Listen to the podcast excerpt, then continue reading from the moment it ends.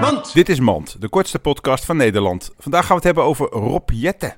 Leuke, frisse knaap. Ja, ook zonder bril. Zeker, hij heeft zijn ogen laten laseren. Ja, hij ziet er goed uit. Het is wel jammer dat hij niet eh, gehandicapt is of zo. Ja, en een vrouw. En donker of zwart. Ja, en misschien eigenlijk meervoudig gehandicapt. En lesbisch. Nu wordt het Sigrid Kaag. Tot volgende keer. Oh, I think that I found myself a Mand.